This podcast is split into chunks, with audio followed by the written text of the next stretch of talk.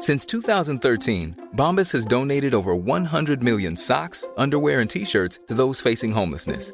If we counted those on air, this ad would last over 1,157 days. But if we counted the time it takes to make a donation possible, it would take just a few clicks. Because every time you make a purchase, Bombas donates an item to someone who needs it.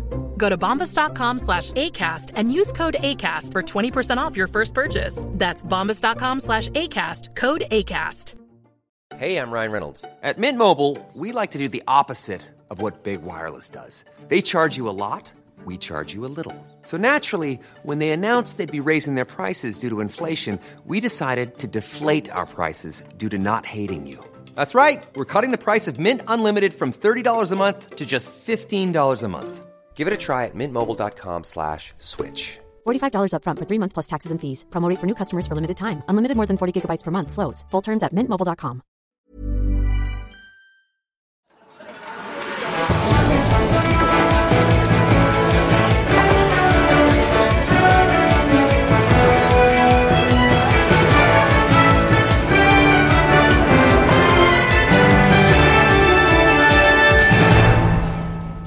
Hvilket ansvar har mediene for at debatten om skeiv, trans og pride blir så hard, Svein Tore?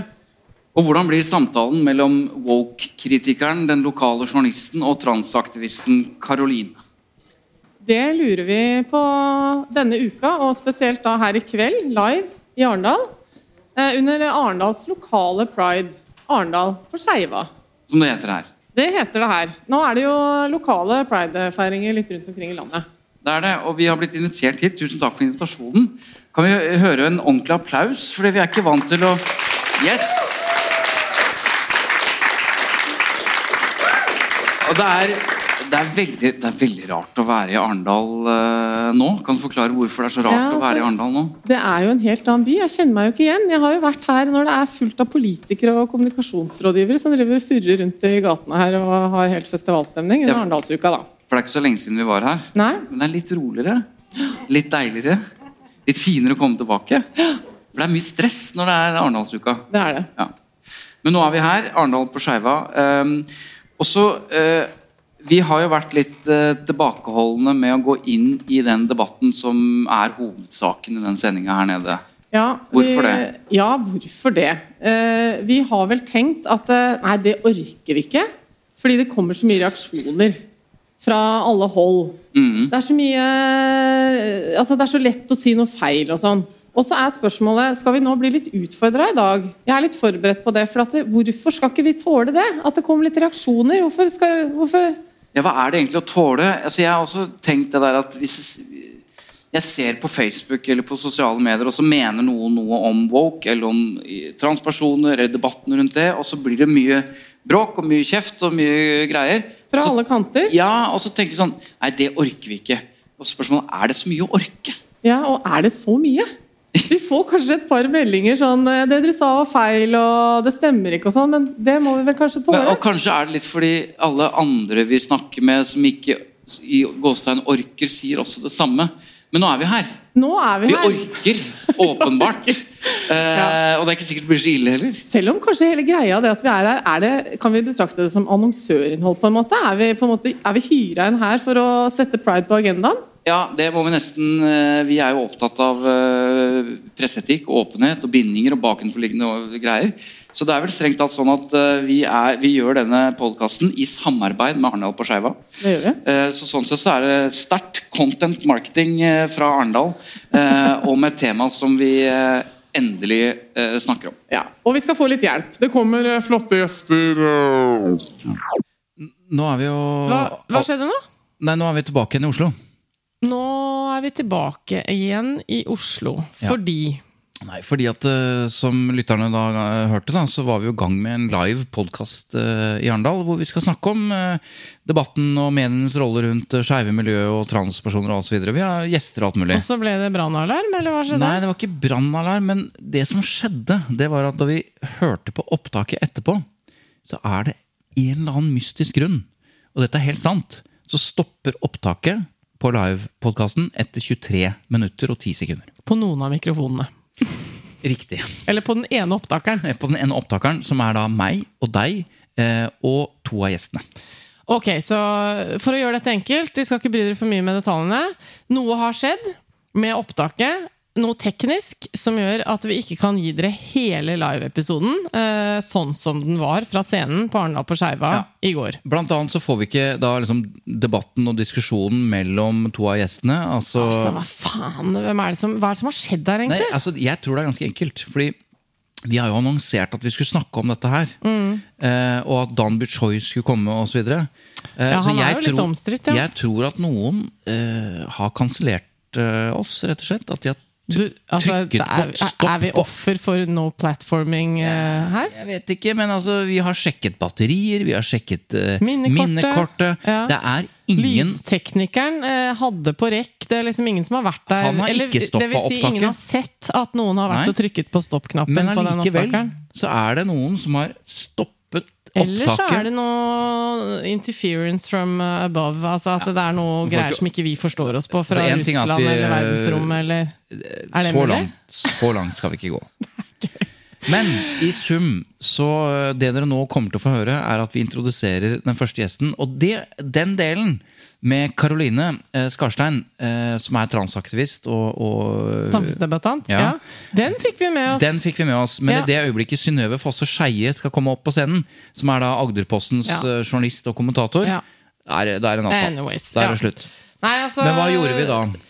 Da gjorde vi det sånn at vi sitter her nå Ja. og, og prøver å guide deg som hører på, litt gjennom det. Vi skal ikke gjøre dette så mer, mye mer komplisert enn det trenger å være. Svein Men vi inviterte tilbake igjen Dan Buchoy. Så han kommer nemlig etterpå. Etterpå kommer for å han. basically bare gjenta highlightsene fra debatten i går. Ikke bare det, Han kommer til å si litt om eh, hvordan han opplevde det å sitte eh, med en transaktivist eh, som jo De er veldig uenige. Ja, som de, Han har vært i litt sånn offentlig Ikke krig, da, for det er et sterkt ord, men mye offentlig debatt med.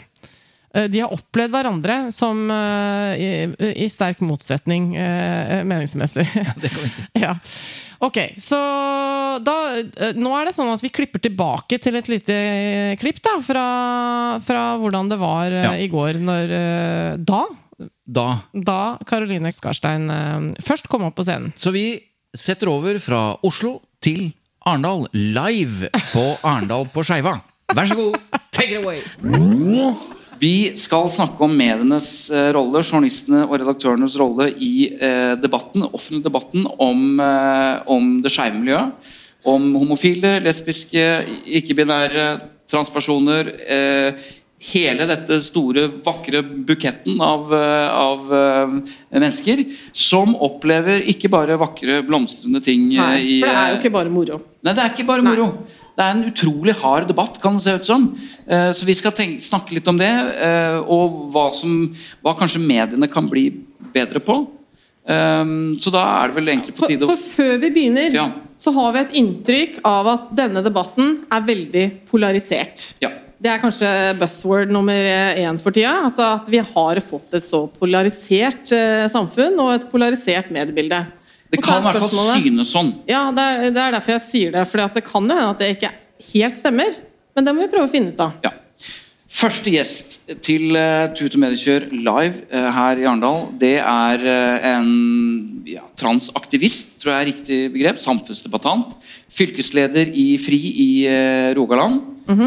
Noen har kanskje sett henne på TV. Vi har i hvert fall sett henne på Helene sjekker ut, eh, der vi fikk se litt på forhånd. Så nå gleder vi oss til å snakke litt mer med henne. Ta godt imot Karoline Skarstein.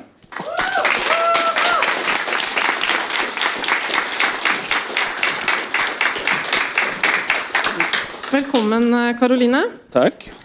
Vi tenkte å bare gjøre det litt enkelt og stille følgende første spørsmål. Hvem er du?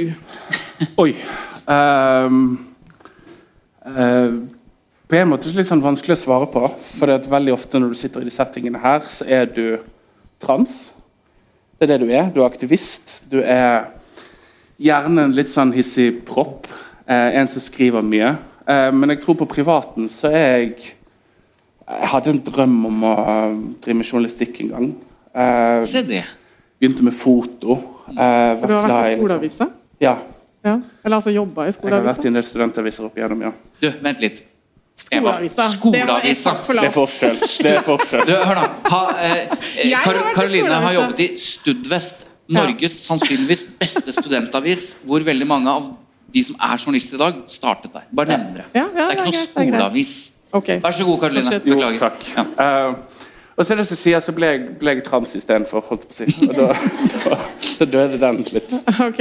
Jeg hadde venta at du sa liksom, eh, hvem er det? Jeg er bergenser. Er ikke det liksom, Fyller ikke rollen som bergenser en hel kropp og et helt sinn og en hel sjel? Jeg trodde det var liksom definerende framfor noe. Med, med fare for ikke å liksom dra hjem igjen, så Jeg kan i hvert fall si til de som hører dette etterpå og ikke er til stede, at det er ingenting ved det jeg ser nå som, eh, som gir inntrykk av en hissigpropp.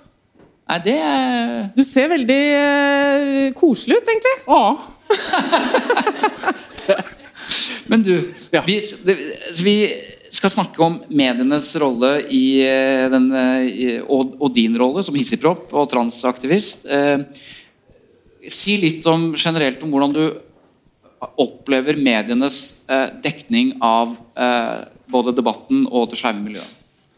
Ehm, nei, det er jo så du, så du begynner med å si selvfølgelig at det er polarisert. Eh, det er problemfokusert. Det er eh, litt sånn jagende etter ytterpunkter, føler jeg. Ehm, og òg litt sånn Av og til kanskje litt målløst, føler jeg. Mm. jeg får eksempel en del telefoner fra journalister som kan begynne med å spørre om litt sånn Har du en historie? Og da skal de bare ha en eller annen. Eh, I en eller annen kontekst. Gjerne en litt trist, mørk, tragisk Ja. historie, da. Gjerne. Og så får du vite at ja, vi har lyst på et portrett, eller vi har lyst til noen som gjerne har hatt litt vondt, eller noen som ikke har blitt akseptert av foreldrene sine. og sånn. Eh, og der, der begynner man gjerne.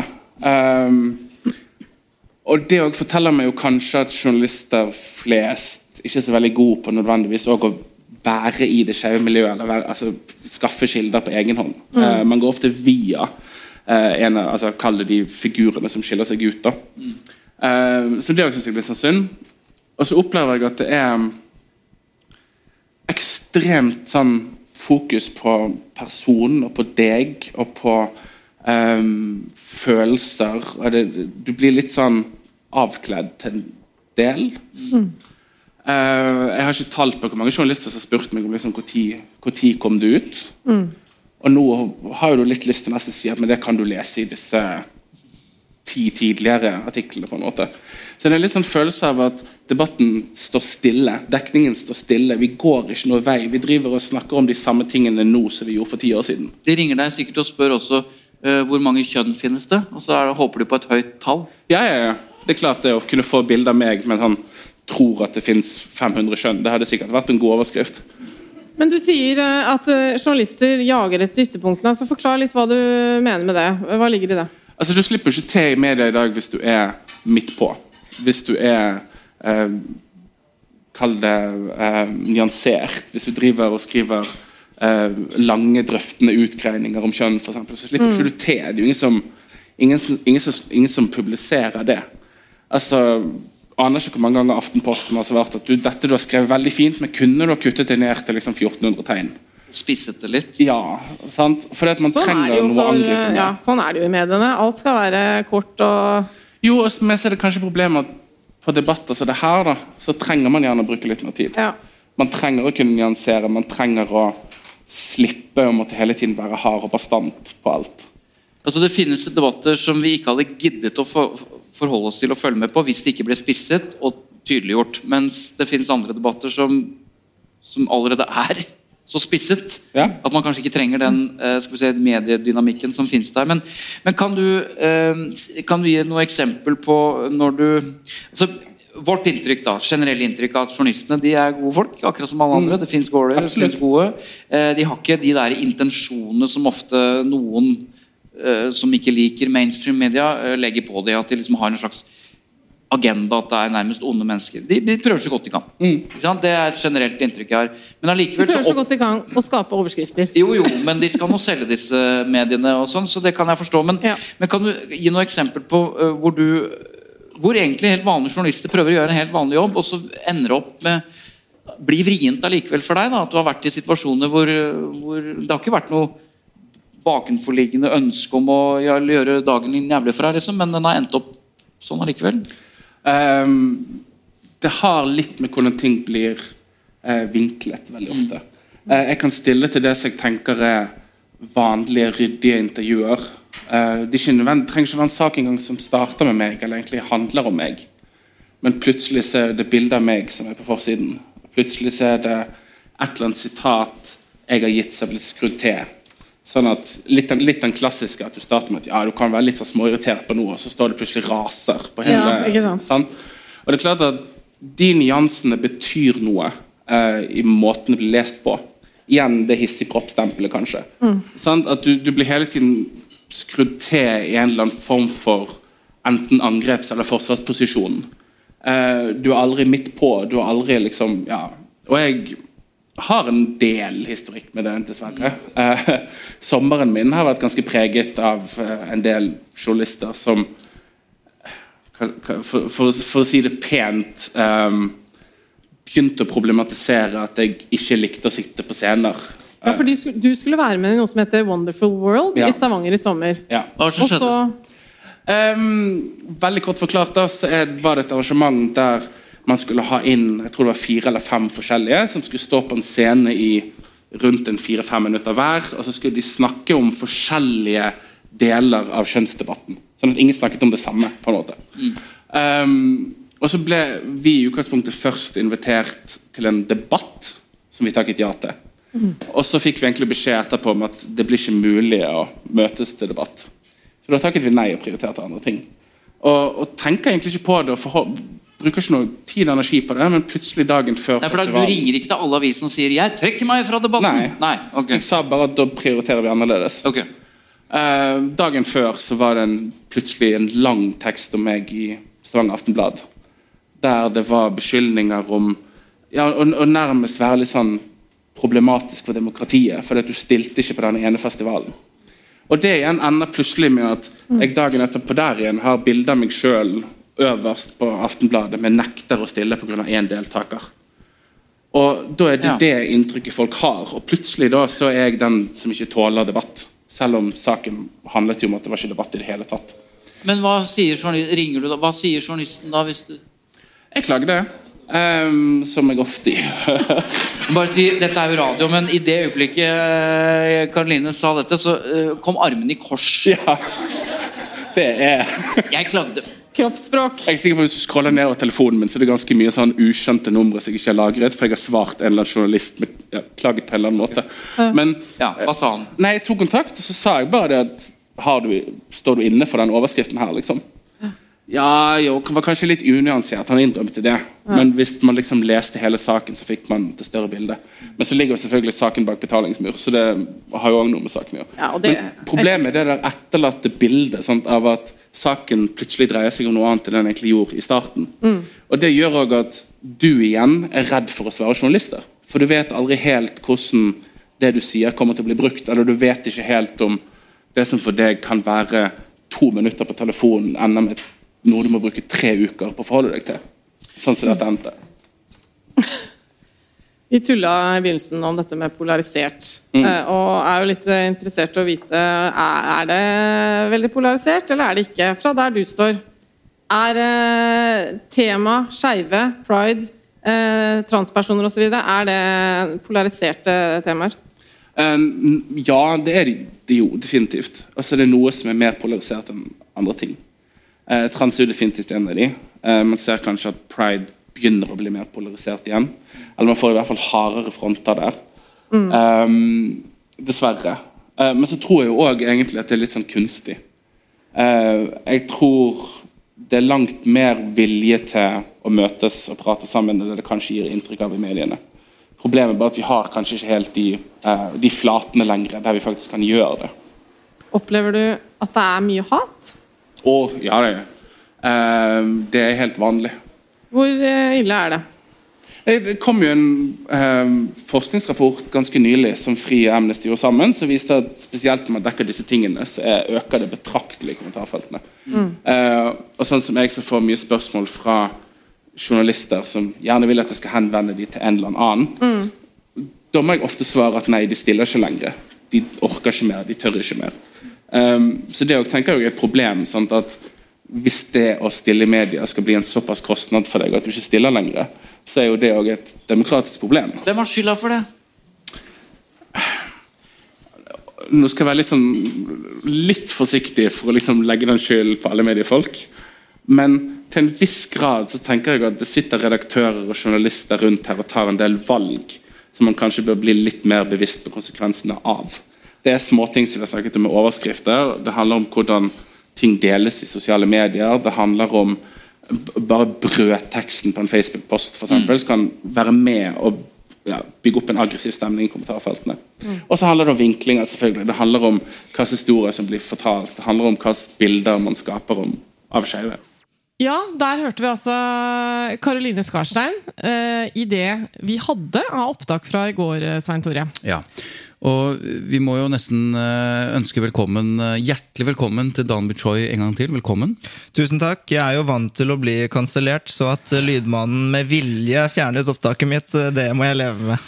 Det, ja, vi har, har noen teorier. Det er et mysterium. Men uansett, um, jeg har lyst til å begynne med hvordan du opplevde det folk ikke har hørt, ja. men som vi var til stede på.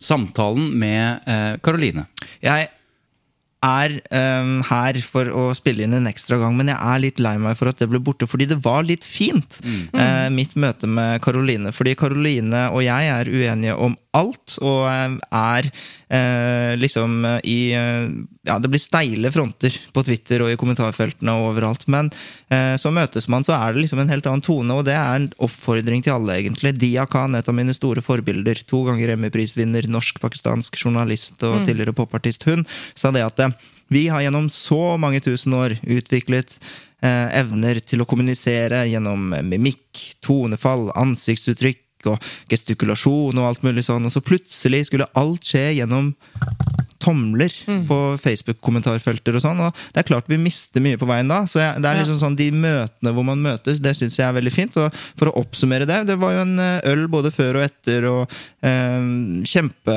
Altså, jeg, jeg syns hun er en eh, veldig fin jente, og blant de transaktivistene som tross alt er veldig uenige med meg, så syns jeg hun eh, viser liksom vilje til å møtes og mm. sånne ting. Det syns jeg er så hederlig. Og det vi merket, som du nå sa, at eh, når jeg i mitt tidligere liv har ledet debatter, så, så av og til så får du nettopp den følelsen at du, folk som er veldig uenige, møtes. Og det blir en god kjemi, det blir en god prat, og man fortsetter praten etterpå. Mm. Og så er det noen hvor det nesten skjer motsatt. At det er så steile fronter og kjemien er så dårlig at de bare løper av gårde når debatten er ferdig. Og vi satt jo og snakket lenge etter opptaket nettopp med Karoline og med deg og um, det som er verdien av det, som du nettopp er inne på, er jo nettopp at å ta det ned fra det tabloide, og vi skal komme inn på det, pressens rolle i dette her. Fordi Karoline har jo også jobbet som journalist. Eh, hun kjenner til disse mekanismene. det hørte vi hun snakke om. I studentavisa? Mm. Ja, eh, Hun jobbet i Studvest, eh, som er studentavisa i Bergen. Og hun er i stadig dialog med Stavanger Aftenblad, ikke sant, som vi hørte, som gjør at um, hun har en forståelse for hvordan mediedynamikken er. Om hun har, og det altså, intervjuet som man har hørt på til nå, da, hvor, eller som jeg hørte på i går, så, så jeg satt jo der som et tent lys. altså Hun er jo på um, hun treffer spikeren, liksom. Hun mm. vet hva, uh, hva, det handler om, dette. Mm. Uh, selv om jeg liksom konkluderer med å uh, falle til den med andre siden på en måte og konkluderer litt annerledes enn henne, så resonnerer vi likt. Mm. Jeg er enig i veldig mye av dette, og det er jo til og med et punkt i Vær varsom-plakaten. ikke sant? Man skal vise ekstra varsomhet og hensyn når det gjelder sårbare grupper. Mm.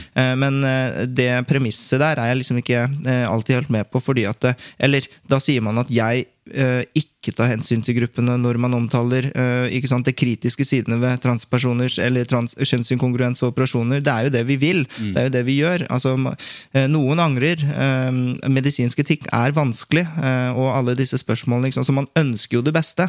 så yes, vi er bare uenige, liksom. Mm. der. Vi skal komme til woke og anti-woke og, og, snakke litt om det, men bare for å rydde én ting av veien. I går var vi innom dette med hatparagrafen. At mm. den har fått et tillegg tillegg eh, nå i fjor, var det vel? Kan ikke du bare si to ord om det, Danby, sånn at Ja. alle som hører på, hvert fall har oversikt over det? Hatytringsparagrafen nummer 185 i straffeloven går jo ut på at man eh, med bot eller fengsel inntil tre år skal straffes for å fremme eh, ytringer eh, som bidrar til hat eller mobiliserer til hat mot bestemte grupper. Da. Og Før så var det bokstav A, B, C, D. ikke sant? A for religion, og B for etnisitet, og C for hudfarge, eller uh, og så videre. Og, så Og seksuell, man- orienter, eller seksuell Seksuell legning. orientering, ja, eller uh, liksom homofili og sånn. Men så Riktig. fikk man en bokstav E, som også handlet om kjønnsidentitet. Så nå er transpersoner også inkludert. sant?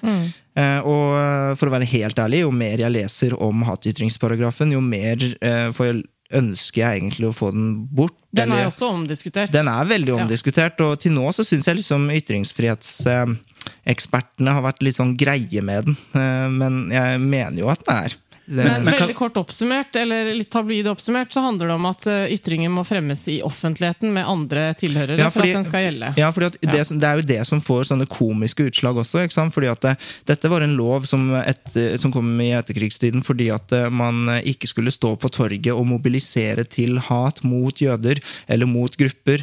Eh, Det var det man ville forhindre. eh, og Derfor må liksom ytringer fremsettes i det offentlige. Og, og det må ha en sånn mobiliserende effekt for at den skal være gjeldende. Og det er jo helt uh, rart, egentlig. Og derfor er det jo sånn at um, Atle Antonsen-saken uh, liksom blir en, et spørsmål om liksom, var det offentlig fremsatt nok. Uh, ikke sant? Selv om det er veldig Ja. krenkende for den som mottaker. Liksom. Så det er liksom, du skal ha flaks, uflaks for at eh, eh, Altså, den treffer ikke presist, da. Men hvis jeg forsøker å tolke deg, så du eh, er motstander av den nye E-paragrafen som handler om kjønnsuttrykk eller kjønnsidentitet? Nei, nei, nei, Jeg tolket det ikke som motstander, Nei. men kritisk til, Jeg er kanskje? ja, men jeg er kritisk til hele hatytringsparagrafen. Ok. Eh, Og så har du også vært inne på, både når du har skrevet og debattert, at det er en eller annen form for eh, lobby, altså som eh, representert ved liksom FRI, og noen kaller det for Pride-bevegelsen osv., som er ganske sterke inn mot myndigheter. Eh, og som klarer Du har jo, du har jo sagt at, du, at de liksom De har fått det til, på mange Ja, altså. Noen reagerer veldig sterkt når jeg kaller dem for homolobbyen. ikke sant? Fordi at da, De sier jo da, Hæ, saklig at vi liksom er en lobby som prøver å få til endringer. Og sånn, og så er det sånn, jo, men det Ja. er det jo bare å gratulere med. Dere fikk jo inn bokstav E, og, og jeg er jo en stolt presselobbyist. Jeg er jo i styret til Redaktørforeningen, liksom. Så, så det er ikke meningen å støte noen ved å kalle dem for homolobbyen. Eh, Vi kan godt kalle dem for noe annet, men, men det jeg mener, er at vi må kunne diskutere disse tingene. Hvis ikke så får vi lovendringer uten debatt. Og det er jeg veldig, veldig kritisk til. Og da vil jeg innvende det som jeg husker at Karoline gjorde i går, da, eh, på, på hennes vegne. At eh, det, dette har jo ikke skjedd i hemmelighet. Det har vært normale høringsprosesser osv. Nemlig, som nemlig. hun understeket. Så altså, der fikk hun jo sagt det, og det er viktig at vi også gjentar, da.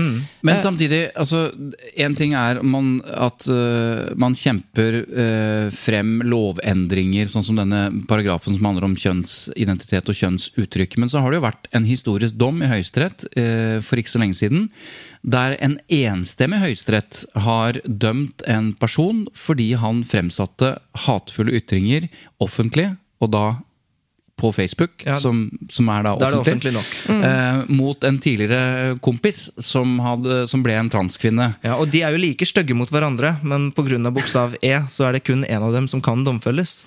Nettopp. Men, men eh, jeg får av og til en følelse av at det er eh, lobbyen som på en måte har ansvaret for at eh, man har fått en ny paragraf osv. Men dette er jo de mest skarpskodde juristene som forholder seg til nye paragrafer, dømmer ifølge det, en, da i dette tilfellet en, en enstemmig høyesterett. Så av og til så får jeg inntrykk av at, at det er en slags lobby som, som får skylda eller ansvaret for å endre samfunnet. Men dette, dette foregår jo, som Eva sier, i full åpenhet. Det foregår med de, de viktigste samfunnsinstitusjonene vi har til å både lage lover, eh, tolke lover, dømme etter de lovene. Så Altså, men det har jo skjedd eh, med russaken, f.eks. Men det er jo i utgangspunktet ikke sånn at eh, Høyesterett skal eh, tolke og bestemme selv. Står det i loven, så skal den følges. Og jeg sitter jo som meddommer i Oslo tingrett selv, og jeg tenker jo noen ganger at bare blæ, det her har jeg ikke lyst til å dømme etter. Men det er jo ingen tvil om at det står i loven der, og kan det som skjedde tolkes i lys av det? Og ja, hvis det er ja, så skal vedkommende straffes, sant? Hvis ikke så må man jo politisk endre lovene. Så jo, jeg vil nok fortsatt mene at de som eh, ønsker eh, å lobbyere for at den loven skal være der, burde ta eh, ja, eller Man kan rette kritikken den veien, da, okay. men, men det er ikke det som er mitt eh, hovedpoeng. Nei. Eh, mitt hovedpoeng er egentlig um, at man skal kunne diskutere transsaker, nettopp fordi at det er veldig vanskelig. For å si det veldig enkelt, Min eh, ekskjæreste, som er en lykkelig såkalt cis-mann i dag, han ville jo bli eh, transkvinne da han var ung. Sisman er jo da øh, Det motsatte av trans, altså. streit. Ja, eller, eller å bare befinne, eh, finne seg selv i eget kjønn og være lykkelig med det. Du er cis-kvinne, jeg er cis-mann. Og jeg, jeg er homofil, men også cis-mann. Ja, men jeg er også cis-mann. Jeg er mann og, mener ikke, og har, har ikke noe ubehag ved det. Nei. Men, Men, jo, men det jeg ville si er at min ekskjæreste gikk jo bare i kjoler. Og hvis du hadde spurt han da vil du bytte kjønn, så er han helt sikker på at det, svaret på det hadde vært ja. Eh, og problem, eller det som er vanskelig med det, er at jo tidligere du begynner med en kjønnsbekreftende behandling, jo mer vellykket vil den bli. Altså Hvis jeg hadde hatt lyst til å bli jente, da, så hadde det vært mye bedre å gjøre da jeg var ti, begynne det da jeg var 10, enn når jeg er 18. Eh, og hvis man ønsker å liberalisere dette, så går det ikke an å dra i én spak uten å dra i en annen samtidig. Altså etikkspaken. Det er jo et minefelt, ikke sant? fordi jo tidligere du begynner, jo mer uetisk er det jo også, i tilfelle noen skulle angre. Du Ja. tar basically valg på vegne av noen andre. Og det jeg sier, er at det eneste som tar feil i den debatten, er de som mener den er enkel, for det er den bare ikke. Og desto vanskeligere debatten er, desto viktigere er det at den tas. Jeg er veldig opptatt av at det ikke skal skje i lukkede rom på Rikshospitalet, men at dette er noe vi diskuterer åpent og offentlig. Og da er jo det veldig vanskelig, fordi det er veldig sterke følelser her. Vi snakker om seriøst kjønnsorganene til folk. Så det er klart det blir følsomt, det er klart det blir personlig. eh, Og det er en veldig vanskelig kunst å balansere her, men jeg tror veldig mange redaksjoner rett og slett dropper det, slik dere også sa innledningsvis, at det er liksom, man er litt redd for reaksjonene. Det blir mye bråk, ikke sant? Og, mm. og det er veldig det er jeg veldig kritisk til, da, fordi at eh, liksom følsomme temaer og så vanskelige temaer nettopp må kunne diskuteres. videre så er det sånn at eh, ord har betydning. Og i denne debatten så har du og andre eh, brukt ordet transbevegelsen, pridebevegelsen. Og det vet jeg også at en del folk i miljøet reagerer på, for at det kan skape et inntrykk av at den er større enn den faktisk er. Noen av de som kanskje er en del av det miljøet, vil, vil si at er vi noe bevegelse? Er vi så store? Jeg vil bare utfordre det litt. altså, jeg, jeg, jeg, kan godt, jeg, kan, jeg kan godt bytte ord, bare foreslå noe bedre. Det er ikke ment sånn. Jeg bare prøver å beskrive det. Jeg mener det er veldig deskriptivt. Og hvor stort er det egentlig? Eh, jeg har litt lyst til å svare at hm, det er bare verdens største folkebevegelse om dagen. Pride har ikke vært noe større. Eh, Black Lives Matter og Pride er liksom på ingen måte eh, fritatt for kritikk. Det er klart Så store folkebevegelser skal underlegges kritikk. Eh, og ikke minst så får de gjennomslag på Stortinget. De, vil end de får endret lover. Eh, og det, seriøst, det er jo ikke, no, det er ikke sånn at jeg ser på dem som noen mystiske eh, liksom figurer som står bak der som Illuminati og styrer verden. Det er jo ikke det jeg sier. Det eneste jeg sier er gratulerer. Dere er så, såpass store at dere får det til. Jeg har lyst til å endre lover selv, men jeg får det ikke til. Men- men- og men- såpass store er de. Men det som Eva er litt inne på, eller bare dvele litt ved det fordi Pride-bevegelsen, eller FRI som en stor organisasjon Det er 20 ansatte i denne organisasjonen. Bare sånn, Hvis vi setter et navn på det. Men det er jo tusenvis som er med på Pride. Jeg er med på Pride. Jeg støtter pride som cis-mann og heterofil. Eh, som veldig veldig mange andre gjør. ja, ja. Mm. Og jeg er jo ikke en del av pride-bevegelsen, selv om jeg støtter pride. Og det er også veldig mange transpersoner som er en mye tettere del og viktigere del av den bevegelsen, som heller ikke kjenner seg igjen i ytterpunktene, altså transaktivister som mener at du nærmest burde fjernes, eller hva det måtte være. Altså Ytterpunktene i denne debatten som skaper den polariserte debatten i media, som media tror jeg til en viss grad er med på å fòre. Når du da snakker om en bevegelse som jeg egentlig da blir tatt til inntekt for, hvis du snakker om en folkebevegelse, så er det helt vanlige mennesker Ja. som støtter rettigheter til mennesker, til minoriteter.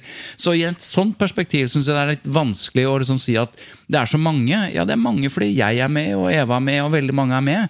Men vi jo, går jo ikke rundt og prøver å endre samfunnet. Vi er interessert i å støtte minoriteter som bør få de samme rettighetene osv. Så, videre.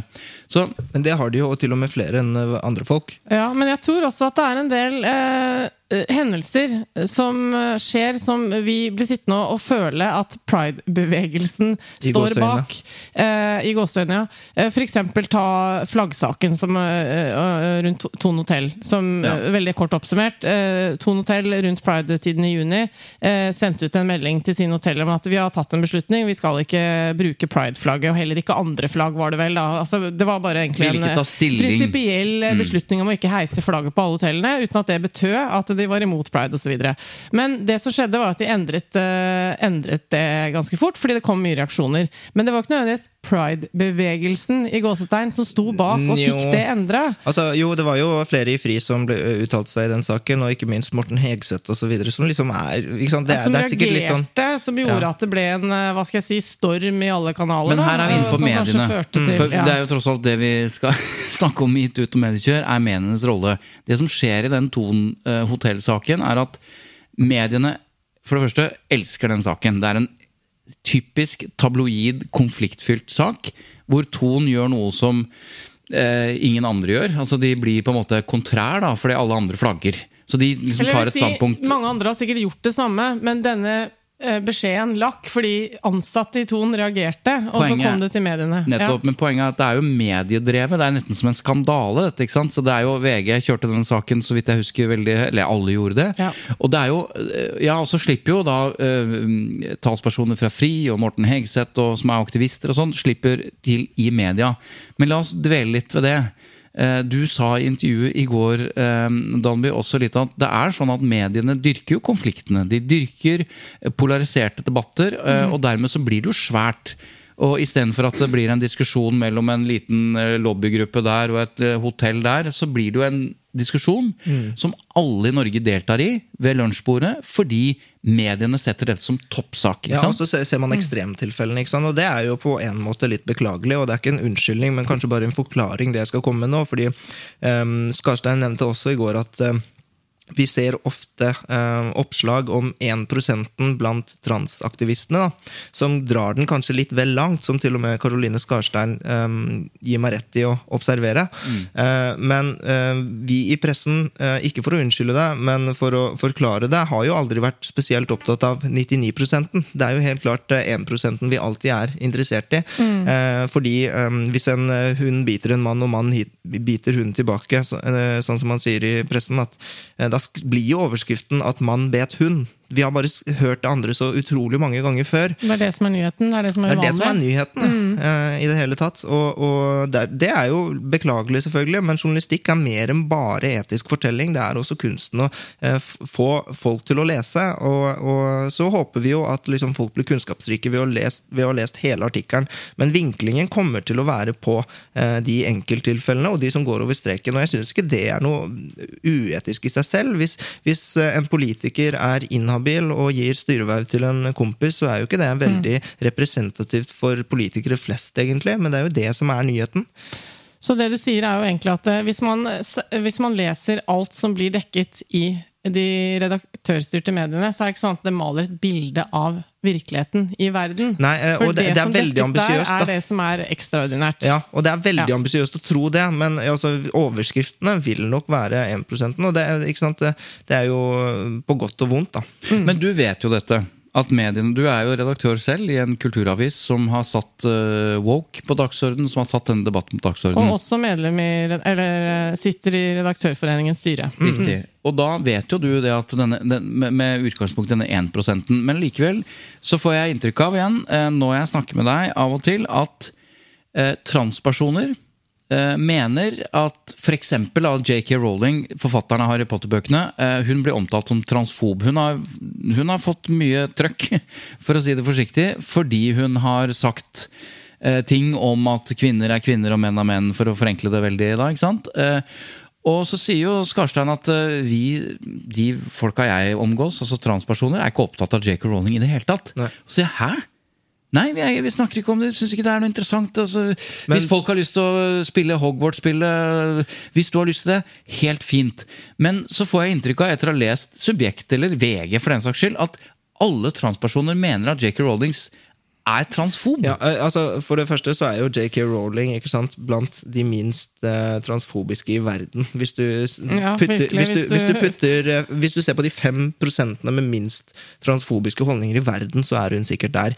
Uh, det må vi huske på. Vi kjemper mot en verden ikke sant? Det er også noe man sier at eh, 1 eier like mye som resten av verden, men så står vi og krangler om hvem som sto først i køen på Walmart. liksom, Og det er der vi står. Ingen av oss er egentlig transfobiske, og det finnes mange der ute. Bare er viktig se for deg liksom, eh, Midtøsten og i, og i Asia og i eh, Sør-Korea for øvrig, liksom, hvor utrolig transfobiske noen mennesker sikkert er. Mm. JK. Rowling er ikke der. Men, det var ikke på poenget mitt. nei, men poenget er at det virker som om uh, når vi leser mediene, at alle som er transpersoner, Ja. hater JK Rowling. Ja, ja det. Ingen gir det inntrykket. Ja, det, det, kan, eh, det kan hende, men vi sier jo ikke f.eks. at Karoline Caroline Skarstein mener det. Vi skriver jo transaktivister, og jeg desker jo alltid om hvis noen skriver i et leserinnlegg at nå mener transaktivistene at bla, bla, bla. Og da, da fjerner det, form. det, ja. Da fjerner jeg bestemt form uh, og skriver transaktivister mener Ja. det. Og, og noe bedre får vi ikke til, fordi at de er transaktivister, disse menneskene som faktisk er veldig radikale og drar den veldig langt også. Kan jeg utfordre deg til å gjøre den endringen enda tydeligere for leseren? Ikke bare Noen. endre til eh, transaktivister, men til å skrive enkelte Ja, transaktivister. ja, vi gjør jo det ofte også. Ja. Jo, men det er sant. Det- Men, men, men noen ganger så er det mange, og de er, det er jo for transsaken at mange, tusenvis, ønsker JK Rowling kansellert. Eh, bibliotekarer, enkelte bibliotekarer i Oslo, og, eh, gikk sammen for å slutte å promotere Harry Potter-bøkene. Eh, og, og, men da ble jeg sånn Vet bibliotekarene hva slags andre bøker de har i bokhyllene sine? Altså, Nettopp. der menes det altså så mye rart. Altså, Ja. Noen mener at Moses splittet og delte havet i to. Og liksom Noen mener altså Hitlers bøker finnes i biblioteker. Altså Bibliotekene er liksom sted hvor eh, mange rare mening, meninger skal eksistere. Og hvis bibliotekene blir woke, så har vi et problem. Og da mener jeg også når forskerne blir woke, når kunsten blir woke, når journalistikken blir woke. Fordi at alle disse er disipliner hvor, som skal sprenge grenser. Hvor man, altså Journalistikk er grunnleggende uwoke, egentlig. Eh, vi skal formidle liksom eh, skikkelig ubehagelige sannheter. Så nå er vi over i woke, anti-woke. Vi skal Eh, avslutte vi skal med det. avslutte med det. Eh, veldig kjapt eh, først, Danby. Gi oss en, eh, en superkort eh, forklaring på liksom, prinsipp, altså fenomenet woke. Det var en gang. Veldig fort og okay. gærent. eh, eh, Woke startet tidlig på 1900-tallet som en svart bevegelse, og det handlet om at man skulle være ekstra årvåken mot rasisme. På 1800-tallet, etter borgerkrigen, hadde man slått fast at svarte og hvite hadde like rettigheter, men selv i 1960 kunne man se langt etter det. Til og med i dag. Man kan si at Rosa Parks var den første eh, ordentlig woke, liksom, fordi Mm. hun nektet å reise seg eh, for for en hvit mann på bussen, eh, selv om det egentlig ikke var noen lover som sa at hvite menn var, var mer verdt enn svarte. Så det mener jeg i dag òg. Det er ikke bare liksom helt åpenbar rasisme i samfunnet. Det finnes også skjult rasisme, og den skal vi være årvåkne mot å si ifra om. Men så går det altså an å dra noen ting altfor langt likevel.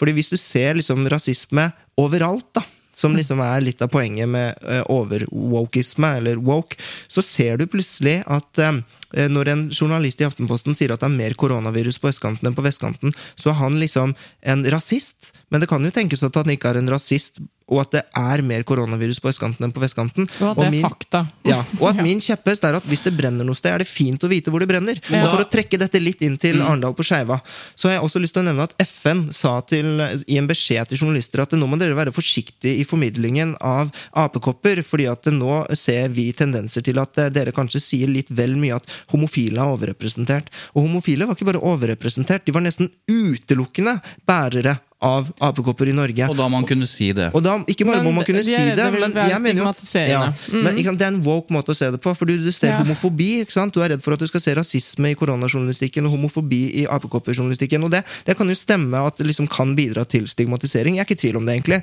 Men det, det jeg har lyst til å nevne er at journalister kan ikke slutte å rapportere om disse funnene likevel. Og derfor er jeg opptatt av å liksom si at hvis det brenner noe sted, så er det fint å vite hvor det brenner, også for homofile. fordi Ikke for at homofile skal skjerpe seg og ligge mindre, mindre, men fordi at homofile må passe på. Ja. De trenger Men- også den informasjonen. Og det er det jeg mener med sårbare grupper. vi skal vise ekstra varsomhet, fordi at Noen mener at vi ikke viser varsomhet mot sårbare grupper når vi sier at dette må frem. Men jo, jeg viser ekstra varsomhet mot sårbare grupper på en måte, fordi at jeg mener at disse må ha denne informasjonen. Og Derfor var det helt fantastisk at Rolf eh, Martin Angeltvedt, som jobber i Helseutvalget, eller noe sånt, en sånn homohelseorganisasjon, som sa at FN må holde munn. Vi fortjener å høre denne infoen. Og det er så viktig at det kommer fra sånne mennesker. Men dette woke-begrepet, det er jo øh, Noen mener jo da at, øh, at øh, folk på høyresiden har omdefinert woke-begrepet til å bli en sånn derre At man er for sårbar, for årvåken, eller for liksom, Man ser rasisme overalt, og man, man Altså Ja. Noen Og av disse ble sånn, ja. Og noen mener å kunne bekrefte at eh, kidsa, de unge, er drittlei av det. Ja, og det er meg, og, eh, som prøver å bekrefte det. Men altså, jeg, høyresiden har dessverre tatt eh, eierskap til det ordet, og det synes mange wokister er trist. Og jeg har lyst til å utfordre den tanken litt, fordi er ikke det viktigste egentlig å være antirasist? Er det ikke viktigst å være pro-LGBT eller mot homofobi? Det er jo ikke om å gjøre å eie ordet woke, og da har jeg lyst til å si at eh, ordet woke har byttet diametralt betydning fra å være noe lystbetont til å være noe veldig harselerende. Eh, Men er det ikke du som har bidratt til at woke har blitt harselerende? For du yes. sier at folk har blitt for woke, men egentlig så er du jo enig i utgangspunktbegrepet woke. At man skal være årvåken for strukturell rasisme, usynlig rasisme osv. Jeg, jeg kan ikke ta æren for det. Det er rett og slett noen andre som har gjort det øh, enn meg. Og i dag så betyr det rett og slett det motsatte av hva det betydde før. Og det er, Det ikke er min derfor du feil. er anti-woke, fordi det betyr noe annet i dag enn det var Ja, før. riktig, riktig. riktig. Ja, men, det- men jeg har lyst til å er si at av- politisk korrekthet har den samme historien. fordi at i, i starten så uh, sa politikere stolt at de, 'jeg er en politisk korrekt politiker', jeg. Men det, er, det hører du ikke i dag. Eh, politisk korrekt er jo tvert imot noe man virkelig ikke vil bli kalt. Det handler jo egentlig bare om å posere. Men det er den om å- samme historien der, at uh, i USA hvor dette endret seg, så er det jo fordi eh, også igjen folk på høyresiden begynte å bruke politisk korrekthet som et skjellsord, og Ja. da fikk eh, begrepet politisk korrekthet som woke Men er i ikke, det, er ikke det litt litterært intelligent? Det er flott, syns jeg. jeg synes, altså Politisk korrekt. At man, vi mennesker og sivilisasjonen klarer å tolke et ord og være enige om at den har sin ironiske betydning. Det syns jeg rett og slett er fett. Mm. Og så er jeg liksom Å nei, stakkars deg, stjal noen ordet du likte. Sånn er Ja, det, dessverre. Kan jeg få lov å prøve å oppsummere? Sånn som jeg da må forklare det dere nå snakker om, eh, forståelig for mitt slitne hode. Eh, Det er da at det, det, det du prøver å si, er at det, det er viktigere at vi er opptatt av det som er viktig, enn at vi diskuterer betydningen av begrepet woke. Mm, helt så, riktig. Ja.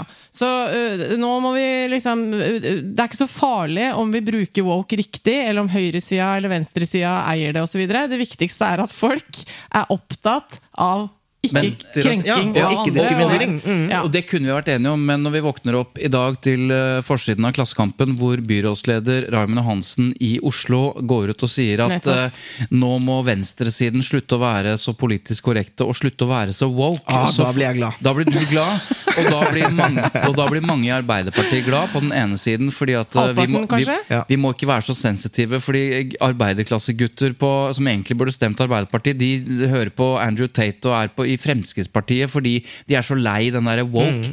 Poenget er at halvpa, den andre halvparten av Arbeiderpartiet, da, for å dele det litt, de er jo da utrolig misfornøyd med at uh, Raymond Johansen på en måte adopterer høyresidens eh, liksom woke-definisjon om at det er noe galt, når woke i utgangspunktet er noe veldig bra. Ja. Nemlig årvåkenhet overvåkenhet Ja, for rasisme. jeg, jeg forstår det, men da må vi bare bli enige om hva premisset er. Liksom. Hva mener du med woke? Fordi jeg tror at alle disse egentlig er enige. Altså Hvis man finner ut av hva den betydningen er. Så slutter å krangle om ordet, men hva Ja. egentlig Og da må vi gjøre to ting, si- da må vi ja, gjøre ja. to ting Danvi. Da må vi sette oss ned sammen, sånn som du gjorde med Karoline.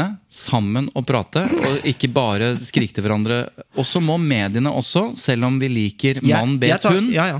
Så må mediene også sørge for å tilrettelegge for de debattene som ikke bare er skrikete og Ja, tabloide. og ikke minst skrive i artikkelen at 99% av gangene så er det hun som biter mann. Ikke sant? At man ikke skriver, Ja. eller skaper et inntrykk av at mann bet hund hele tida, som om det er vanlig. Ikke sant? Det skjønner jeg jo. Mm. Som representant for foreningen Menn som biter hunder, så skjønner jeg jo at uh, det er provoserende. Vi gjør jo ikke det vanligvis. Mm. men men, eh, men eh, jo, jeg, hvorfor jeg blir glad når Raymond Johansen går ut. Og jeg tror jo at eh, jeg bidro til det fordi jeg oppfordret veldig venstresidepolitikere til å ta avstand fra woke da, hvis de skulle vinne unge velgere, unge menn som uh, velgergruppe. Um, og de, grunnen til at jeg blir glad for det, er fordi uh, for det første så skriver jeg om dette i min nye bok, 'Kanseller meg hvis du kan', uh, som handler om woke. Ja, nå kan jeg egentlig gå. Nei da. Og så uh, Det andre er at eh, Ehm, Susan Lehman, som jeg også siterer i min bok, eh, skrev en hel bok om det her. 'Left is not woke' heter den boka. Og det handler om at venstresiden holder på å tape nå, eh, og vi må slutte å bli liksom eh, forstått som det samme som woke. Venstresiden er ikke lik woke. Og det er helt sant. Det må ikke være sånn at kun høyresiden er anti-woke. Og det finnes masse hederlige eksempler. Nå er Raymond Johansen ute og kritiserer woke, og det er også Eivor Evenrud i Ap. Det er også Mani Hussaini i Ap. Det er også Robin Hansson i SV. Mimir Kristiansson i Rødt. Masse hederlige unntak. Ja, og selvfølgelig så handler dette om at antirasisme og LGBT-aktivisme skal være den beste typen antirasisme og LGBT-aktivisme. Ikke at vi går rundt og bare oppleves som oversensitive, lettkrenka osv. Unnskyld, unnskyld, det var ikke meningen å avbryte deg. Mellom disse greiene hvor vi har hatt, hvert opptak på scenen, og vi sitter her nå, så, så har vi snakka om dette som er litt interessant. Det der med menn, på, eh, menn som føler seg oversett her i verden, og som, mm. som følger med på TikTok og, og lar seg fascinere Ja, og av Andrew skole- Tate. og skolevalget ta, som- ta en liten to minutter om, eh, om hele dette fenomenet med TikTok, og sånn, så vi får med oss det òg. Altså, Jeg er ganske overbevist om at eh, det har mye å si hvorfor um, Altså, TikTok har hatt mye å si eh, for at eh, Simen Velle i FPU og Ola Svenneby i Unge Høyre har vunnet skolevalgkampen. Og ikke bare litt, men med sånn 20 fremgang Ja, siden forrige gang. Og tall. hvis det er 20% fremgang, så er ikke det fordi at alle kidsa plutselig begynte å bry seg om fritt behandlingsvalg. Som er forskjellen på Ap og Høyre. Det er jo fordi at de har truffet tidsånden. Mm. eh, Og fordi at de er annet på TikTok, hvor liksom kidsa er. eh, Og de er ikke bare der, de er der med liksom ekstrem forskjell fra eh, Ap, som ikke er der og glimrer med sitt fravær, nærmest. Eh, og derfor eh, så vinner man eh, liksom på tidsånden og kjenner seg igjen. Og så umusikalske er Ap altså at AUF-leder Astrid Hoem kalte Simen Velle for liksom en slags Andrew Tate fra Wish, en billig variant av han. Og det trodde jo hun at resonnerte, men det gjør det ikke. Folk digger Andrew Tate, og han er faktisk siktet for noe av det kanskje, Altså, kanskje det folk er jo en upresis eh, Ja, betegnelse. Hvem liker, hvem liker Andrew Tate? eh, Flere unge gutter liker Andrew Tate. Jo, men det er til tross det. for at han er, som du var inne på Ja, altså, han er jo siktet for seriøst det verste du kan være siktet for. Å Ja, drive altså, med det er jo ikke et bra menneske. Det Nei, nei. Og og, men selv en, en så grusom jævel kan sl eh, altså Selv en stoppet klokke slår rett to ganger i døgnet, og jeg mener at han vinner på to ting. Det ene er at han snakker unge menn opp, mens alle andre snakker unge menn ned. Alle andre gjør selvfølgelig ikke det, men jeg tror at en sånn, dom, Mm. Ja, en sånn dominerende feminisme har neglisjert unge menns problemer lenge. Og unge menn Så er de føler seg overrepresentert. sett, hørt. øh, Ja, de føler ja. seg sett og hørt. Mm. Og unge menn er overrepresentert i De er skoletaperne, ikke minst. Dette er triste greier, men Ja, det de er nok eh, noe i det. Ja, De er skoletaperne, de omkommer mye oftere i arbeidsulykker, de er overrepresentert i rus, kriminalitet, fengsel, alt mulig sånn. Ikke mine unger, bare så det er sagt. og føler ikke at de tas på alvor, da. Mm. Eh, og når Andrew Tate plutselig tar dem på alvor, og så sitter vi her og fordømmer Andrew Tate i stedet for å krangle om å få de velgerne tilbake til oss, Ja. da er det jo litt selvforskyldt.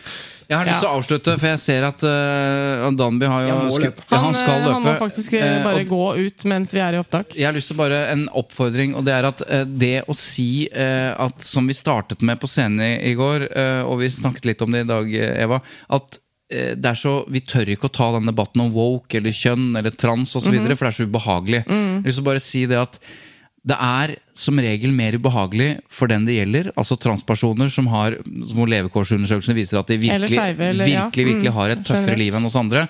Vi andre, som ikke opp, fra majoritetsbefolkning, må tørre å ta og snakke om det og ta den debatten, og ikke skygge unna fordi vi blir beskyldt for å være transfobe eller vi blir beskyldt for å være Ja, rasister. Og vi, vi det utfordra faktisk Danby litt i går, øh, også på scenen. og- og Fordi at enig han også øh, går ut i offentlighet og sier at det er litt vanskelig å ha disse debattene. Det er mye motstand, og du får mye hat og sånn. Og da responderte du jo ganske fint på det. Du kan få gjenta det nå. At, Ja, jeg har bare lyst til å si at uh, jeg er helt enig. Transpersoner er liksom det er, eh, over, topper utrolig mange skikkelig mørke negative statistikker. Eh, og eh, det er ikke noe synd på meg.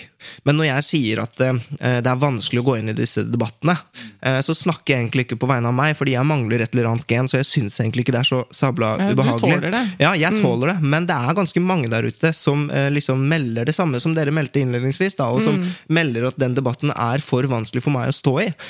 Og det, det er jo synd. Det er jo også Ja. det vi ser når 52% av unge ikke tør å si hva de mener av frykt for å bli kansellert. Ja. Så er jo det akkurat det samme. Så det er liksom, men det er ikke, dette er jo ikke en konkurranse om å gjøre å være mest krenka Nei. eller offer. ikke sant? Nei, Men- nei, men jeg skal spise ordene mine. Fordi Mm. Sist vi eh, hadde en samtale om trans, eh, så fikk vi kanskje to-tre meldinger så, fra noen som var irritert på hva vi sa. Eh, og det, det skal vi tåle. Danby, ha det! Ha takk for meg.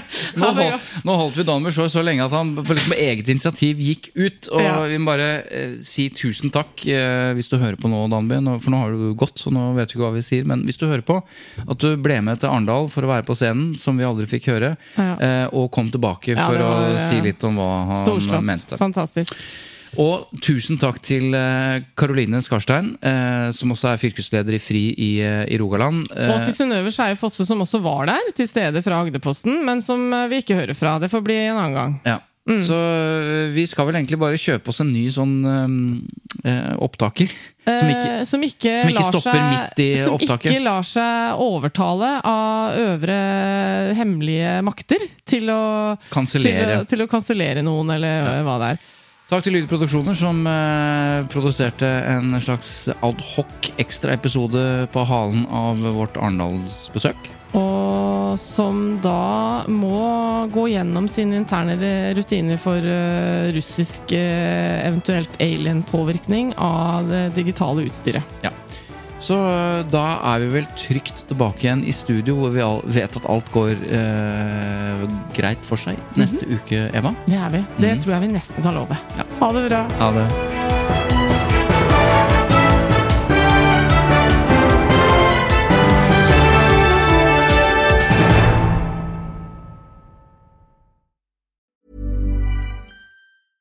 This Mother's Day, treat mom to healthy, glowing skin with Osea's limited edition skincare sets. Osea has been making clean, seaweed infused products for nearly 30 years. Their advanced eye care duo brightens and firms skin around your eyes, while the Golden Glow Body Trio nourishes and smooths skin all over. Go to OSEAMalibu.com and use code MOM for 10% off your first order site wide.